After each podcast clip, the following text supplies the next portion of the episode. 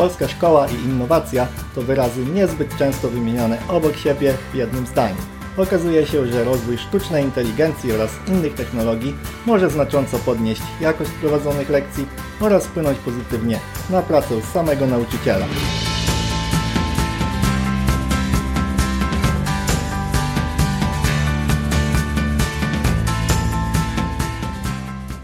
Cześć, z tej strony Paweł Marszalec, słuchasz właśnie podcastu Technologicznie Produktywni, czyli podcastu skierowanego do twórców i początkujących solo przedsiębiorców, którzy chcą zastosować nowoczesną technologię w swoich projektach. Dzisiejszym gościem jest Klaudia Rogalska. Klaudia mimo kilku lat praktyki nauczycielskiej postanowiła, że jej dalsza droga będzie związana z internetem. Nowy sposób zarabiania na życie nie zmienił jednak misji, która przyświecała Klaudii już podczas pracy w szkole – Mam tutaj na myśli dzielenie się wiedzą i nauczanie tak, aby inni dzięki temu również się rozwijali i robili postępy. W dzisiejszym odcinku porozmawiamy o tym, jak Klaudia zaczęła swoją przygodę z działalnością internetową oraz zastanowimy się, jak polskie szkoły, a przede wszystkim nauczyciele, mogą skorzystać z rozwoju najnowszych technologii. Cześć Klaudia! Po pierwsze chciałem Ci podziękować za przyjęcie zaproszenia do tego podcastu.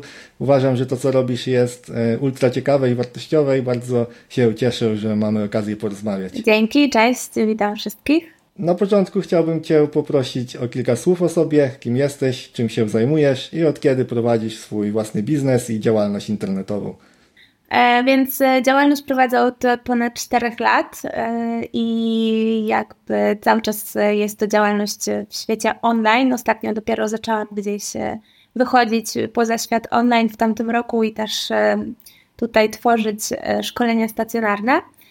Ale wracając do takiego mojego, do takiej podstawy, to właśnie mm, poprzez te kursy online, szkolenia online i działalność w mediach społecznościowych E, pomagam nauczycielom w przyswajaniu i we wdrażaniu nowoczesnych technologii e, na swoich zajęciach, w edukacji i też w organizacji swojej pracy. I takimi trzema właściwie moimi głównymi e, źródłami, takimi kierunkami, w których im pomagam, to wykorzystanie technologii informacyjno-komunikacyjnej, czyli wszystkie narzędzia, aplikacje, które warto wdrażać na lekcjach po to, żeby było skuteczniej, efektywniej, żeby uczniom się bardziej chciało i podobało. E, drugi aspekt to oczywiście sztuczna inteligencja, która jest teraz e, bardzo na czasie od kilku miesięcy.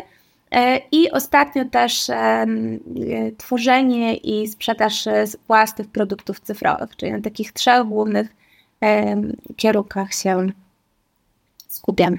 Muszę powiedzieć, że bardzo mnie interesuje ta Twoja historia, jak w ogóle do tego doszło.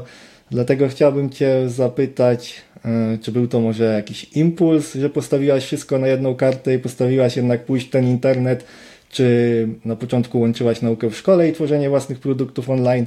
E, jak to wyglądało?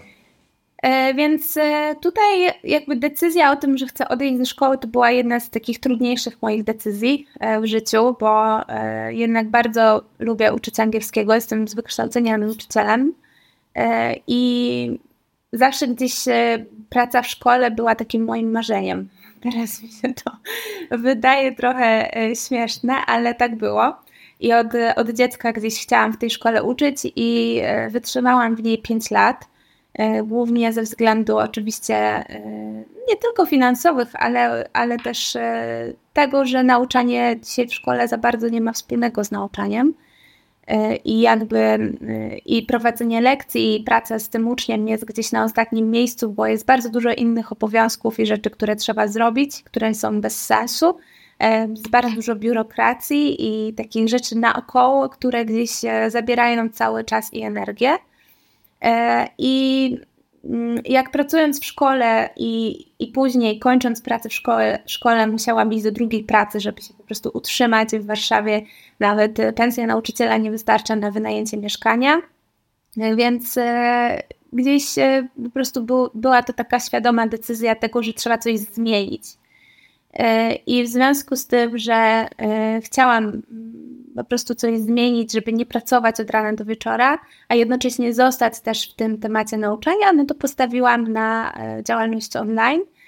Natomiast moim pierwszym takim zamysłem było prowadzenie w ogóle lekcji online jeden na jeden, tak żeby nie trzeba było jeździć, do ucznia, tylko prowadzić mhm. po prostu zdalne lekcje, później rozszerzyć je na lekcje grupowe.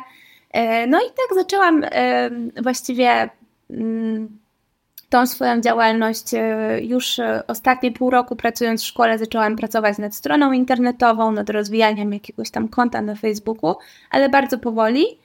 E, I później już e, po prostu tą decyzję podjęłam, ale e, pamiętam, że do końca nie byłam pewna, czy to była dobra decyzja, więc musiałam sobie powiedzieć: OK, albo w prawo, albo w lewo, więc tak rzuciłam się trochę. Natomiast szybko też się zweryfikowała ta moja działalność, bo z tego nauczania online trzeba było też wiedzieć, jak się uczy online. To było 4 lata temu, więc przed pandemią. E, I jeszcze tych wszystkich rzeczy nie było tak, e, jakby nie wiedziałam, że one są tak bardzo dostępne i jest tyle rzeczy, które można wykorzystać, więc e, zaczęłam się z tego tematu szkolić.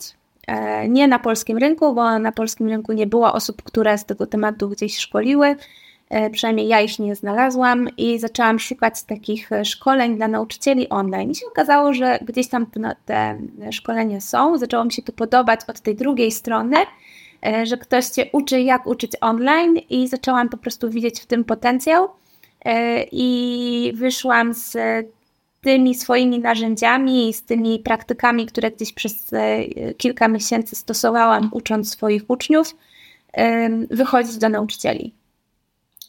I głównie zależało mi na skalowaniu tej mojej działalności, bo prowadzenie lekcji online jeden na jeden na żywo jednak też jest do pewnego stopnia ograniczone, bo y, jakby masz x godzin tygodniowo, którą możesz poprowadzić, więc też gdzieś ci się ta działalność w pewnym punkcie zatrzymuje.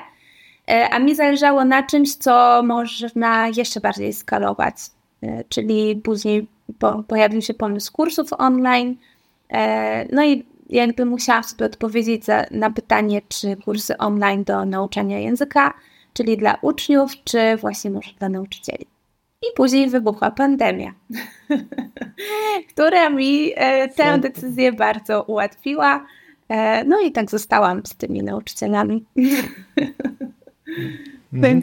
A badałaś jeszcze w jakiś dodatkowy sposób ten rynek, że tak to nazwijmy, czy to było na zasadzie, że widziałaś, że są szkolenia, więc uznałaś, że jakiś popyt musi być i dlatego w to pójdziesz? E, nauczyciele są grupą zawodową, która się szkoli od zawsze i która się zawsze będzie szkolić. I dobry nauczyciel, taki, który się rozwija i który jest nauczycielem e, też trochę tak e, wewnętrznie, nie chcę używać stwierdzenia z powołania, ale takim całym sobą, zawsze będzie szukał możliwości rozwoju. Więc jakby popyt na szkolenia w gronie nauczycieli jest i zawsze, i zawsze będzie, moim zdaniem. Natomiast technologie były czymś, w czym ja się y, czułam dobrze i, i do dzisiaj się bardzo dobrze czuję i bardzo mnie pasjonuje to, że co, co chwilę coś jest nowego i co chwilę możemy sobie y, nasze horyzonty i możliwości po prostu poszerzać. No i gdzieś nie, nie badałam tego e, ankietami, czy nie robiłam jakiegoś szczególnego badania rynku. Wiedziałam, że nie ma takich kursów e, na temat nauczania e, online i gdzieś mi to po prostu zagrało. Później jakby pandemia po prostu zweryfikowała tę potrzebę, bo wszyscy się musieli nauczyć działalności w sieci, więc nie ukrywam, że te pół roku przed, ja założyłam działalność pół roku przed wybuchem pandemii, więc więc to mi gdzieś po prostu bardzo pomogło wtedy. I zastanawiam się, czy trudno się dociera do, do nauczycieli, no bo no ja może trochę tak stereotypowo postrzegam takiego nauczyciela, ale to też wiadomo, nie są jakby, wszyscy nie są od razu po studiach, nie są jakby tacy super zaznajomieni z technologią i to już jest w mojej głowie taka pierwsza, pierwsza przeszkoda, że może trudno po prostu docierać jakoś z marketingiem, ze swoją ofertą do takich osób. Nie wiem, jak ty do tego podejść. Czy to jest, e, są jakieś przemyślane działania marketingowe, czy bardziej organicznie przez, przez social media? E, na początku działałam bardzo na czuja, nie, nie miałam żadnej strategii, po prostu um, myślałam, że, że jakby nie, nie wiedziałam też za bardzo z czym się ta działalność online wiąże dopiero gdzieś z czasem e, zaczęłam widzieć w tym wszystkim te, te takie całe cykle marketingowe i te działania właśnie, które trzeba zrobić, żeby ci ludzie do ciebie przyszli. Natomiast czy trudność pozyskuje klienta? No nie jest to grupa zawod... nie jest to grupa odbiorców, która jest wszędzie. tak jak na przykład w branży beauty czy w branży nie wiem, fitness, czyli nie możesz jakby do, skierować swojej usługi do osoby, jakby każdy nie jest twoim potencjalnym klientem. Ja wiem, że teraz się dużo mówi o mhm. niszy i, i to nie jest tak, że wszyscy będą ćwiczyć, tylko musisz sobie określić, kto będzie z tobą ćwiczył, ale z nauczycielami jest trochę chyba trudniej, bo y, moim zdaniem z moich doświadczeń wynika, że y, nie każdy siedzi w internecie z nauczycieli. Większość nauczycieli z większym stażem nauczania, czyli w wieku 40, 40 plus, 50 plus, to są nauczyciele, którzy też y, nie śledzą tak bardzo trendów, jeśli chodzi o media społecznościowe, a to jest grupa społeczna, która się uczy najwięcej, nie ci młodsi. Y, więc też trudno do nich dotrzeć y, czasem przez media społecznościowe. Też mam w swojej, y, w swojej grupie klientów osoby, które mówiły na przykład, że założyły Instagrama tylko po to, żeby mnie tam obserwować, a nigdy wcześniej nie miały na przykład Instagrama. Albo, albo są to, albo jeśli jest to grupa nauczycieli, to też jakaś część z tych nauczycieli się będzie szkolić. E, bo to nie jest tak, że każdy ma e, w sobie taki obowiązek, czy też takie poczucie obowiązku, że żeby być dobrym nauczycielem, to musisz się rozwijać przez całe życie i mieć taki nawyk w sobie. I ci starsi nauczyciele tak mają, a młodsi trochę rzadziej niestety podchodzą do tego, ale jest to spowodowane pewnie wieloma czynnikami. Natomiast to, co ja na przykład wprowadziłam w pozyskiwaniu tego odbiorcy, klienta, to właśnie e, regularność i tutaj te moje webinary cotygodniowe też przyzwyczaiły e, te osoby do tego, że ja gdzieś się tam pojawiam i po prostu możemy się co tydzień spotkać. No i właściwie tyle. No ja, ja, ja opieram swoją działalność głównie poprzez media społecznościowe. Nie mam, nie mam, nie mam w tych strategiach ani rozmowy z klientem przez telefon, ani jeżdżeniem do szkół, E, dużo też e, ostatnio dały mi te szkolenia stacjonarne, czyli takie spotkania jeden na jeden z, e, z nauczycielami, które też generują później po prostu jakieś dodatkowe możliwości. A zdarza Ci się, że już nauczyciele polecają po prostu sobie dalej i tak do Ciebie trafiają? Tak, to głównie się dzieje w, wtedy, jak ktoś do mnie przychodzi albo na webinar, albo na szkolenie stacjonarne i później e, dostaje telefon na przykład od dyrektora placówki, żebym przyjechała na szkolenie do danej szkoły, czy przeprowadziła takie szkolenie online w danej, danej placówce. Natomiast tak, no tutaj polecenie jak najbardziej też się sprawdza. Mhm. Wspomniałaś szkolenia stacjonarne, to też mam kilka pytań o to, to może zaraz do tego przejdziemy ale najpierw e, chciałbym już przejść do tej bardziej technologicznej części rozmowy. Więc na początku zapytam Cię, jak taki nauczyciel, powiedzmy, no normalny nauczyciel ze szkoły, może wykorzystać właśnie dobrodziejstwa czy technologii, czy sztucznej inteligencji w swojej pracy?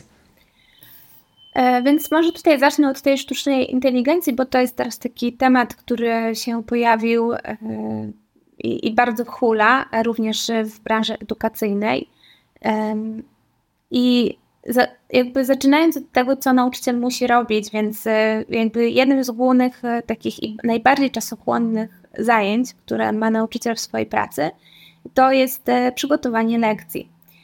I czasami ten czas, który trzeba poświęcić na przygotowanie lekcji, jest dużo większy niż prowadzenie lekcji, bo bardzo często się mówi, w naszym społeczeństwie nadal, że nauczyciel pracuje 18 godzin tygodniowo, e, czy tam 20 już teraz, natomiast e, to są tylko lekcje, które trzeba poprowadzić przy tablicy, a drugie tyle albo i więcej trzeba poświęcić na to, żeby zrobić całą inną rzecz, w tym e, przygotowanie zajęć. I przygotowanie zajęć to jest temat bardzo czasochłonny, bo zakładając, że na przykład prowadzisz cztery lekcje w tej samej klasie wiekowej, czyli na przykład masz cztery klasy czwarte, E, i prowadzisz ten sam temat, przychodzisz do klasy i masz lekcję po lekcji, więc wydawałoby się, że ok, przygotowuję jedne zajęcia.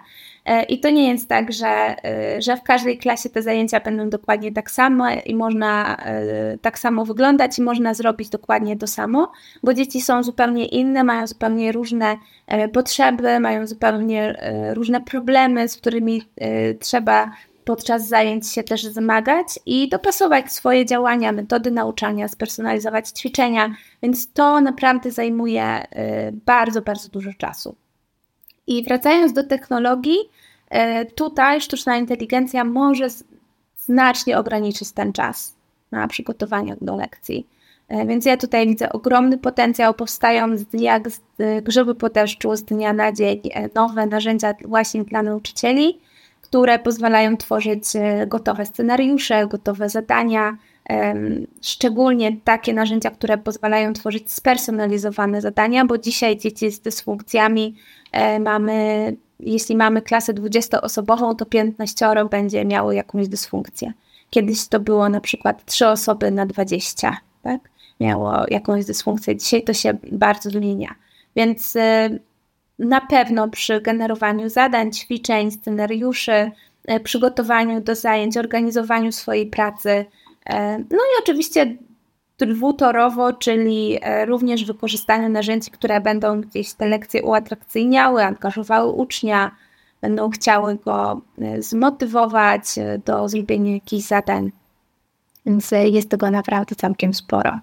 Tutaj właśnie uświadomiłaś mi jedną rzecz, bo ja zawsze podchodziłem do, mm, no w sumie wrzucałem wszystko tak do jednego worka, nie? Czyli na przykład powiedzmy jakaś praca w internecie, no to według mnie to przygotowanie zawsze było tą pracą bardziej kreatywną niż później już zaprezentowanie tego. A tutaj teraz właśnie sobie myślę, że jednak w roli nauczyciela tutaj może to przygotowanie jest tą bardziej żmudną pracą, a ta kreatywność i to podanie tej wiedzy jest ważniejsze tak naprawdę. Mm, dokładnie. Więc jakby no, ta sztuczna inteligencja może zrobić tą taką żmudniejszą pracę, a później dopiero nauczyciel musi się postarać, żeby dobrze wytłumaczyć te zagadnienia. Dokładnie nie? tak, dokładnie tak. A masz może jakieś przemyślenia na temat e, już dalszej adaptacji roli sztucznej inteligencji w nauczaniu w przyszłości? No na pewno będzie to coś, e, z czym nie będzie jak walczyć. E, przynajmniej mam taką nadzieję, że szkoły nie będą z tym walczyć. Widzę też po tym, jak, jakie jest też przejęcie w gronie nauczycieli, że chcą się tego nauczyć, że chcą przyswoić tą wiedzę. Czujemy, czujemy oczywiście lęk, tak jak przed każdą nowością, zmianą, że gdzieś idzie to w złą stronę, ale ja jestem optymistką, ja uważam, że można wykorzystać te narzędzia naprawdę na do, bardzo dobrym kierunku i mam taką nadzieję, że szkoły y, będą y, edukowały swoich pracowników, swoich nauczycieli właśnie w tym kierunku i, i po prostu to wykorzystają, bo rozwoju tej technologii nie cofniemy, a też naszą, naszym obowiązkiem, jednym z wielu, nauczycieli jest przygotowanie uczniów na ich przyszłość a jak mamy ich uczyć i jak mamy ich przygotować na świat bez technologii, skoro one dzisiaj są wszędzie. Więc e, myślę, że w związku z tym, że jest to dzisiaj obecne na taką szeroką skalę,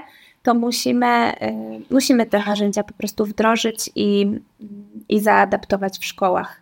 Myślę, że mhm. dużo zmieni to, jeśli chodzi o ocenianie wiedzy uczniów, ponieważ e, wiadomo, że wszystkie prace pisemne czy egzaminy zdalne to już nie będzie miało większego sensu więc też będziemy musieli e, tutaj e, dopasować metody i sposoby oceniania wiedzy uczniów i bardzo dobrze, bo być może odejdziemy też od tych ocen, testów, a bardziej skupimy się na takiej obserwacji, na, na takich praktycznych umiejętnościach i gdzieś być może jest nadzieja, że ten system będzie się zmieniał, mimo tego, że technologia postępuje. Taką mam wizję optymistyczną trochę, ale ale też myślę sobie, że jeśli ta technologia tak się dzisiaj rozwija i robi za nas gdzieś dosłownie wszystko, jeśli chodzi o takie techniczne rzeczy, prawda? Sam wiesz, bo tym siedzisz, że możemy sobie ułatwić tworzenie stron, programowanie, tworzenie grafik, pisanie postów, maili, generalnie wszystkiego. E, to być może jeśli te wszystkie rzeczy techniczne nam ta sztuczna inteligencja zabierze, to będziemy mieli więcej przestrzeni na to, żeby się skupić na rozwoju tych umiejętności społecznych i, i, i mhm. inteligencji emocjonalnej. I być może w szkołach to się właśnie zacznie dziać. Tak, bo to właśnie ta kreatywność i ta inteligencja emocjonalna to jest chyba coś, co nigdy albo przynajmniej najpóźniej będzie gdzieś tam opanowane przez tą sztuczną inteligencję. Tak mi się przynajmniej wydaje. A sztuczna inteligencja, no to wydaje mi się, że jest dużo łatwiej zrozumieć ten termin i też jest to tak nagłośnione, że większość osób pewnie wie już mniej więcej przynajmniej e, jak to działa i do czego może zostać użyte. A zainteresował mnie temat, bo też widziałem, że robisz szkolenia z rozszerzonej i z wirtualnej rzeczywistości. Jak tego można użyć na przykład w pracy nauczyciela lub, lub po prostu na zajęciach w szkole? No, rozszerzona rzeczywistość to jest w ogóle bardzo wdzięczny temat i mój ulubiony, bo jest dostępny więc e, każdy może sobie taki efekt w rozszerzonej rzeczywistości wyświetlić, bo potrzebna jest tylko aplikacja na telefon. E, I jest po prostu łatwy e, do tego, żeby go wprowadzić w szkole, więc nauczyciele mogą wyświetlać przedmioty, budowle, budynki, zwierzęta, jakieś komórki na lekcji biologii, prawda? Czy zabrać uczniów na przykład w podróż w kosmos, pokazać im planety. I dzięki temu, że te efekty są takie dla ucznia y, zaskakujące trochę, ale też y, bardziej go angażują do tego, żeby, bardziej go interesują do tego, żeby się zaangażować po prostu w lekcję, czy też w jakiś przerabiany materiał i dzięki temu ten uczeń y, więcej zapamiętuje, więcej też jest w stanie sobie wyobrazić, bo wyświetlenie na przykład piramid egipskich na ławce w klasie, a pokazanie ich e, w książce na zdjęciu to jest zupełnie inne doświadczenie. I to jest proste i to jest dostępne dla każdego i nie, i nie trzeba też wielkich kosztów. Właściwie ta większość tych aplikacji edukacyjnych jest bezpłatna, e, więc e, fantastyczny temat i też nauczyciele są nim zachwyceni, bo, bo widzą, jak dużo też to daje do ich zajęć i, i z jakimi też efektami uczniowie wychodzą z tych zajęć. E, natomiast wirtualna rzeczywistość to jest e, temat e, troszeczkę bardziej skomplikowany, bo szkoły nasze nie mają też takich funduszy na to, aby się wyposażyć w fajne okulary do VR. E, aczkolwiek potencjał jest ogromny, bo e, jakby jest to zupełnie inna technologia i też zanurzenie się w tym świecie, e, właśnie wycieczka na księżyc, czy pływanie z delfinami pod wodą, czy też latanie nad Europą i, podziwianie po prostu widoku z lotu ptaka, to są zupełnie inne doświadczenia. No na pewno gdzieś na dużą skalę w naszych szkołach dzisiaj niestety niemożliwe. Ale są placówki, które gdzieś się e, próbują w tym temacie specjalizować.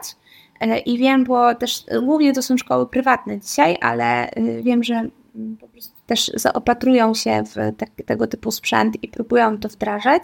I bardzo fajnie rozwija się ten temat również w terapii pedagogicznej, ponieważ terapia pedagogiczna jest, odbywa się głównie w gabinecie, pedagoga czy psychologa. Jest to sesja jeden na jeden, ewentualnie w młodszej grupie, więc też łatwiej jest w szkole wtedy zapewnić taki sprzęt i e, na przykład kupić e, okulary do VR Oculusa e, i poprowadzić taką sesję terapeutyczną w gabinecie, tak? I tutaj też pracować z uczniem po prostu jeden na jeden. Aczkolwiek oba te tematy są no, na pewno warte uwagi e, i pokazują też taką otwartość tych, tych nauczycieli na to, żeby próbować nowych rzeczy, zmieniać tę edukację i też dopasowywać się do tego, co dzieci dzisiaj przeżywają, e, bo dla nas, e, starszych osób, może to być coś takiego innowacyjnego, a dla dzieci, które chodzą na przykład na urodziny do kolegów i tam zakładają te okulusy, one już to wszystko wiedzą i no i też fajnie się po prostu dopasować do ich życia, do tego, jak te technologie się dzisiaj rozwijają też w ich życiu. No to się rozmarzyłem, jak mówiłaś o tych wszystkich wycieczkach na księżyc czy pływaniu z delfinami. No ja ukończyłem liceum no około 10 lat temu, ale no to jakby szczyt możliwości wtedy to był magnetofon i wow, dokładnie. I to już było wow. No właśnie, nie w każdej klasie to było, trzeba było specjalnie ustawiać plan zajęć, żeby, żeby na przykład lekcje angielskiego były w konkretnej klasie. Tak, tak, dokładnie. Natomiast też e, to nie jest tak, że, że musimy wszystko wykorzystywać w tej edukacji, nie? że te technologie są faktycznie, e, bo technologie mają sens wtedy, kiedy je używamy, jeśli przyspieszają nam jakiś proces nauczania, albo jeśli zastępują tradycyjną metodę. Więc jeśli tradycyjną metodą nauczysz dziecko czegoś lepiej i szybciej, no to przy tym zostajemy. Ale jeśli e, jakby mamy możliwość zastąpienia tej tradycyjnej metody albo nieskutecznej metody e, technologią, no to wtedy ona faktycznie przynosi super rezultaty. Na przykład mieliśmy taki, e, takie doświadczenie z uczniem, który nie umiał przemawiać, miał problemy z tym, żeby, żeby mówić publicznie.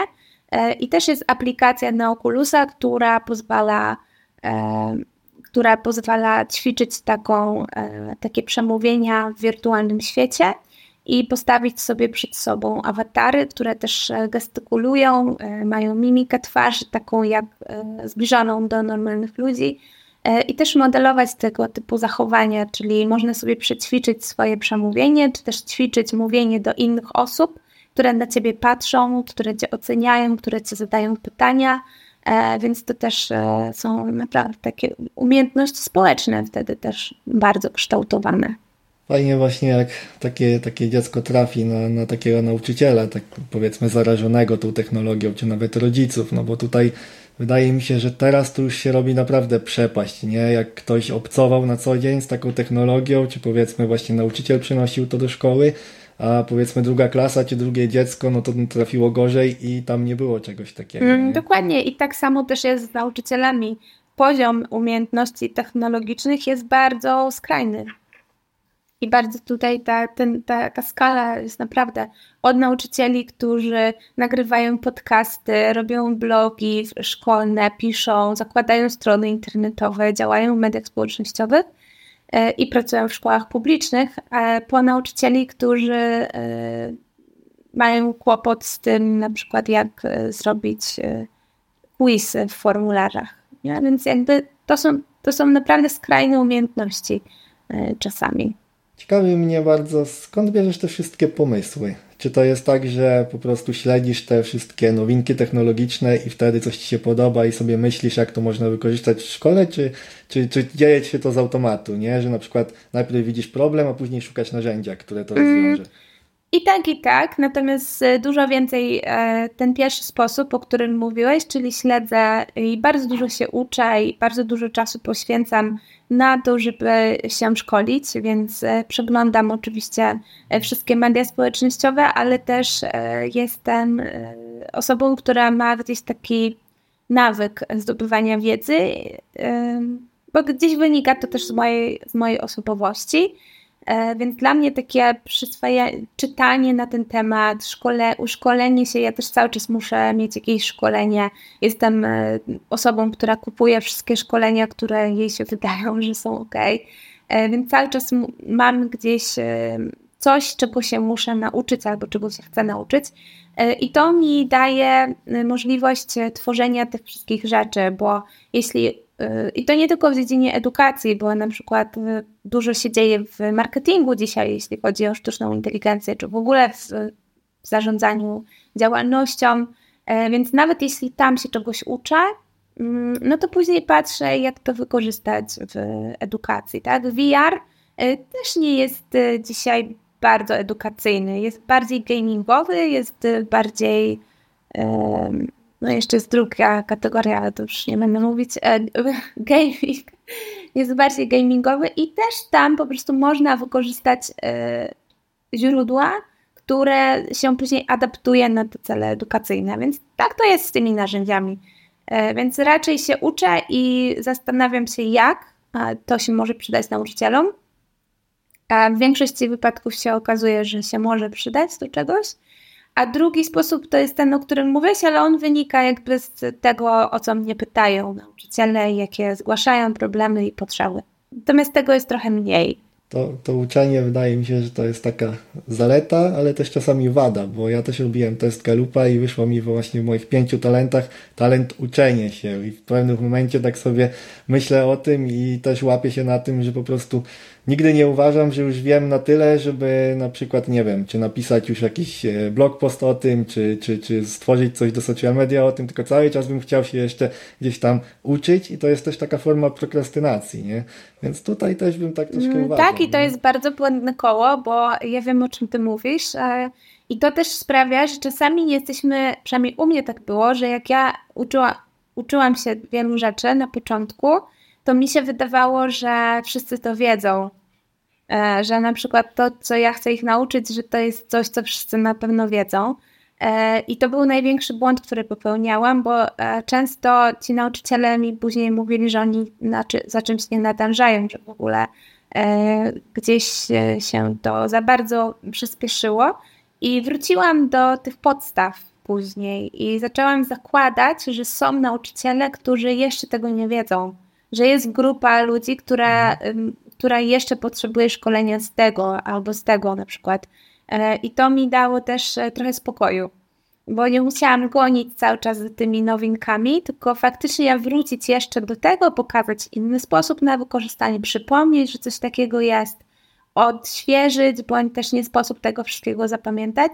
Więc to i, i moim odbiorcom się bardzo przydało i mi dało trochę takiego spokoju, że okej, okay, to nie jest wyścig, że jakby można bazować na tym, co już wiesz, nie? No, to taka bańka wiedzy chyba to się nazywa, nie? Że jesteś w swojej bańce i wydaje ci się, że wszyscy wszystko wiedzą, nawet lepiej niż ty. No, nie? dokładnie.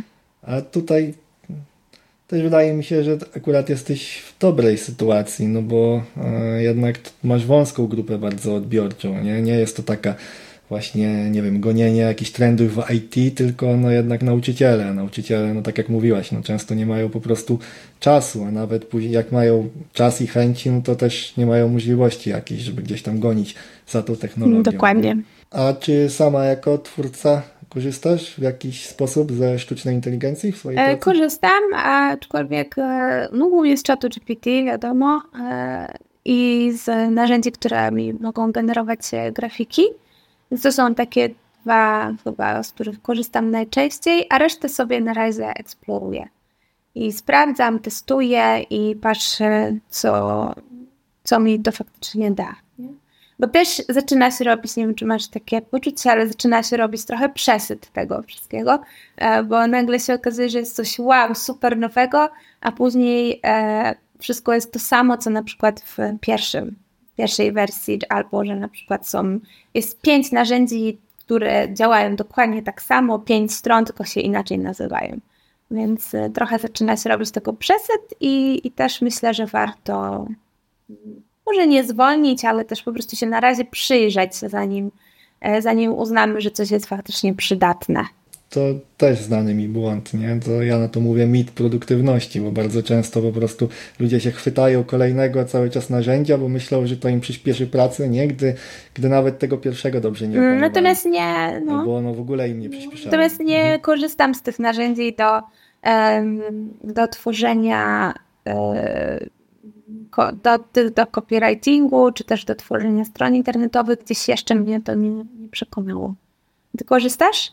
Ja korzystam, ale korzystam bardziej na etapie gdzieś tam inspiracji, czy, czy stworzenia szkieletu lub postprodukcji. Nigdy nie jest tak, że, że wygeneruje mi na przykład na tyle dobry no właśnie. Post, który bym uznał, że sam bym go lepiej nie napisał i że faktycznie. Poza tym to wrzucić, widać, nie? moim zdaniem to widać, jak ktoś wrzuca post e, mhm. napisany przez e, ChatGPT, a, a jak pisał sam. Zwłaszcza jak właśnie już odbiorca cię zna w jakiś sposób, no też ty masz pewnie unikalny sposób wypowiedzi i przedstawiania informacji. Niby można chat GPT też e, podrasować tak, żeby mówił twoim językiem, ale jednak e, ja też widzę różnicę. No, ale to z drugiej strony no też nie po to ktoś tworzy w internecie, żeby tak naprawdę robiła to za niego sztuczna mm -hmm. inteligencja, no bo wtedy to według mnie to się No, dokładnie. A jeszcze może skoczyłbym chwilę do, do jakby tego pierwszego tematu, tego bardziej biznesowego, bo ostatnio widziałem, że tworzyłaś produkt i ten produkt wydaje mi się jest trochę inny niż wszystkie, nie? Czyli to był e, kurs, który uczy robić kursy, tak? Dobrze rozumiem?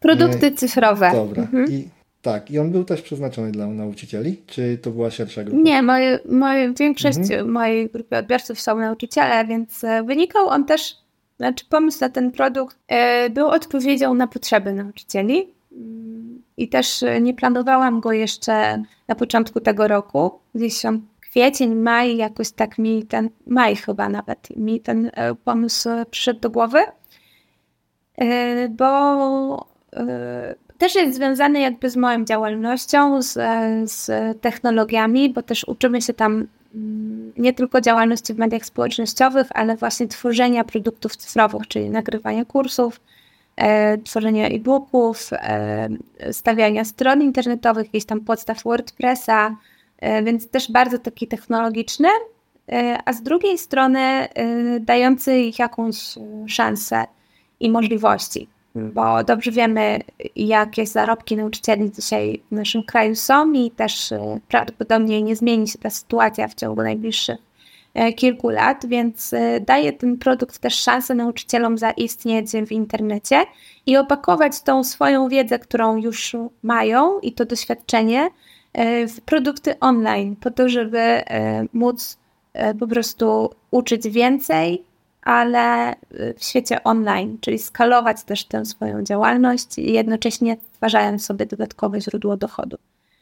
Więc troszeczkę inny projekt, ale też bardzo związany z potrzebami mojej grupy odbiorców. I fajna grupa tam powstała, e, takich nauczycieli naprawdę e, zmotywowanych i takich zaangażowanych ten proces, pełen, pełnych nadziei. Jeszcze nie wiedzą, ile ich pracy czeka, ale E, bo to jest bardzo dużo pracy, ale e, no ale działamy, tak, więc też e, bardzo się cieszę, że ten projekt tak, tak powstał, bo daje on po prostu inne szanse, nie? Do tej pory uczyłam, jak korzystać z technologii, żeby nasi uczniowie mieli dobrze w głównej mierze, a teraz chciałabym, żeby ci nauczyciele też mieli dobrze. No to wydaje się świetną alternatywą dla, dla korepetycji, no bo korepetycje to są raczej popularne, a to jest tak naprawdę chyba tak samo dzielenie się wiedzą, tylko jeszcze trzeba przemóc tą jakby niechęć do kamery, no bo dużo osób ma po prostu taką niechęć, chociaż nauczyciel może jak prowadzi lekcję to troszkę mniej. No na pewno mają nauczyciele dużą przewagę w przekazywaniu tej wiedzy, bo osoba e, załóżmy z branży fitness, czy z branży beauty, czy e, no nie wiem, no tam gdzie się nie pracuje tak bardzo wykładowo, no to jednak e, musi się jeszcze nauczyć tej metody przy tworzeniu kursu online, przekazania tej wiedzy drugiej osobie. A nauczyciele już są krok do przodu, bo oni wiedzą, co to jest proces nauczania, wiedzą, co to jest metodyka nauczania, znają różne metody, wiedzą, co się musi zadać, żeby ktoś się czegoś nauczył, więc e, też łatwiej, myślę, im będzie ruszyć z tymi kursami, projektami online. A masz jakieś rady dla osób, które y, właśnie tak jak ty chciałyby zacząć zarabiać na swojej wiedzy, czy stworzyć jakiś zacząć. produkt? jak najszybciej zacząć. Tak?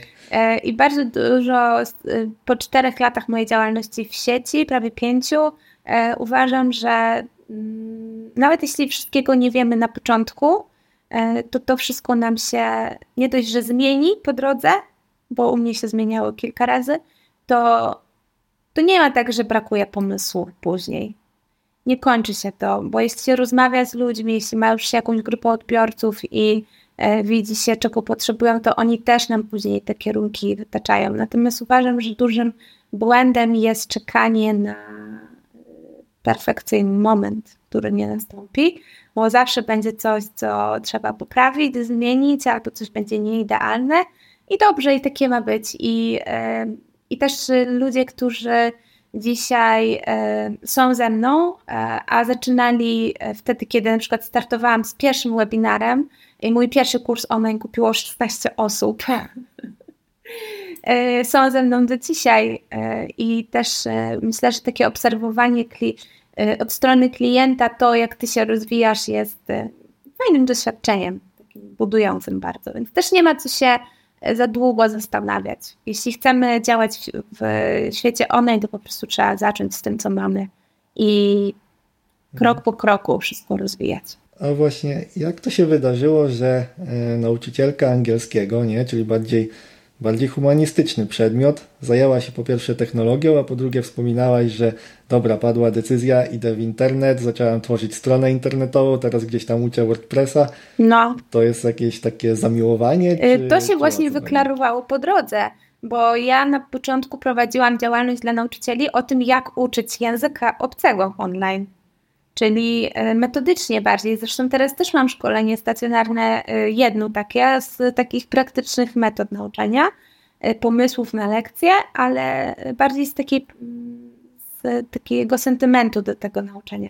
A to, że się zajęłam technologiami, gdzieś się wyklarowało po drodze i dało mi taki kierunek, i nagle pomyślałam sobie, okej, okay, to jest coś, co mnie, co spełnia, bo przede wszystkim daje mi poczucie, że się cały czas rozwijam, bo technologie ci załatwiają tę sprawę rozwoju, bo cały czas jest coś nowego i możesz to śledzić.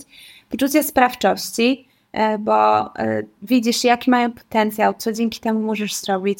E, poczucie takiego, takiego bycia potrzebną, bo widziałam, że nauczyciele potrzebują też tych technologii, potrzebują kogoś, kto im pokaże, gdzie nacisnąć, co zrobić, żeby to zadziałało i też jak to wszystko później działa.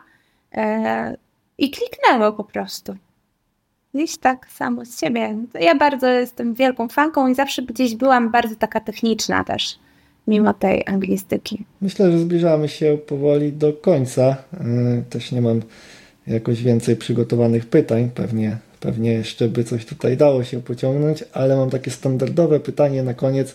Co Cię motywuje, żeby po prostu działać e, w internecie, żeby przekazywać tą wiedzę dalej, że nie powiedziałaś, że jednak dobra, zraziłam się do nauczania, koniec, w ogóle szukam czegoś mm, innego. Były takie momenty oczywiście. E, I założenie, y, że cały czas jest e, w takiej dobrym, dobrej formie i chce się iść do przodu, jest od razu no jest błędne po prostu, bo są momenty, w których ja przynajmniej miałam takie momenty, w których ciężko mi było robić to, co robię, bo byłam zmęczona i też e, moje efekty nie przynosiły mi, nie spotykały się z moimi oczekiwaniami. Ale też e, jakby zaakceptowanie tego, że są gorsze momenty, e, jest takim kluczem do, te, do tej regularności i systematyczności. I nie ma tak, że jakby ja pracuję głównie z domu, więc dla mnie też taka, e, taki nawyk samodyscypliny jest bardzo ważny i takiej organizacji pracy. I w momencie, kiedy zaakceptowałam to, że pracuję wtedy, kiedy na przykład jest, gorzej się czuję, albo jest, y, jestem w gorszej formie, albo po prostu mi się nie chce, e, chociaż robię minimum, jest takim kluczem do systematyczności, do regularności i do takiej ogólnej satysfakcji. Natomiast to, co mnie motywuje, to głównie, głównie moje cele, które gdzieś tam sobie postawiłam i wiem, że, y, że w związku z tym, że jestem też taką osobą, która lubi osiągać y, i mam też taki mm, charakter trochę zdobywania kolejnych etapów, y, no to, to to mnie trzyma i przede wszystkim to, że, że widzę realnie, jak moja praca wpływa na inne osoby. E, czyli te wszystkie rozmowy z, z nauczycielami, te wszystkie informacje zwrotne, to w jaki sposób e, też to zmienia ich podejście do pewnych rzeczy, to są takie główne bodźce. E, no i też nie widzę siebie na dzień dzisiejszy w innej, w innej działalności, więc się trzymam tego.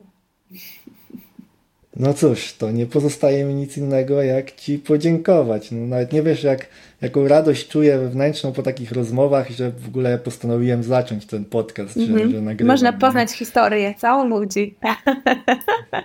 Dokładnie, ale ile też no. ciekawych tematów. Także dzięki, dzięki, dzięki również za zaproszenie. Chętnie odsłucham pozostałe odcinki.